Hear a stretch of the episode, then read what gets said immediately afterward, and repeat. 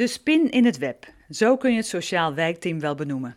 Ook als het om geldzorgen gaat, kunnen zij een helpende hand bieden. Samen met ontwikkelmakelaar Marlies Stiepel van Bus Leiden verken ik de wereld van het ontbreken van geld. Waar zijn we vandaag, uh, Marlies, en wie gaan we hier ontmoeten? Nou, vandaag zijn we in de Merenwijk, in een huis van de buurt op Eigen Wieken. En naast mij staat Miranda van het Sociaal Wijkteam. En uh, het Sociaal Wijkteam is een hele handige organisatie die je op allerlei gebieden kan helpen als je daar problemen mee hebt. Ja, geldzaken, geldproblemen, geldstress, ja, dat zien wij heel vaak in de wijk. Ik uh, werk dus inderdaad bij het Social Wijkteam in de Merenwijk. En uh, ja, mensen die, die komen bij ons terecht als zij uh, hulpvragen hebben op verschillende leefgebieden, waar zij eigenlijk in eerste instantie ook niet helemaal zelf uitkomen. Ze weten niet wat ze kunnen doen of waar ze exact terechtkomen. En dan kunnen de mensen zich aanmelden bij het Sociaal Wijkteam. Nou, dat kan bijvoorbeeld inderdaad ook over uh, problemen rondom geld. We zien bijvoorbeeld ook dat mensen uh, met een andere hulpvraag binnenkomen, bijvoorbeeld bij, bij de, een scheiding.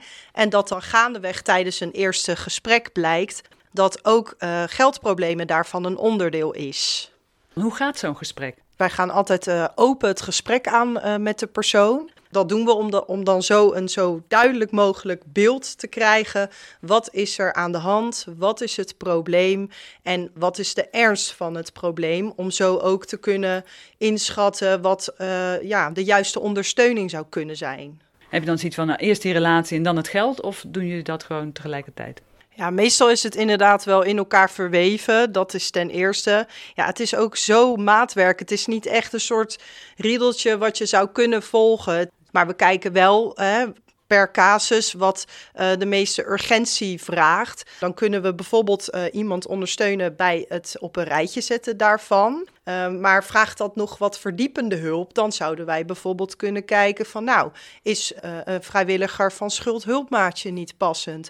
Of bijvoorbeeld uh, een Humanitas, die ook op vrijwillige basis mensen ondersteunt bij het op, op orde krijgen van de administratie. Uh, een goede buur kan natuurlijk ook het een en ander hierin betekenen.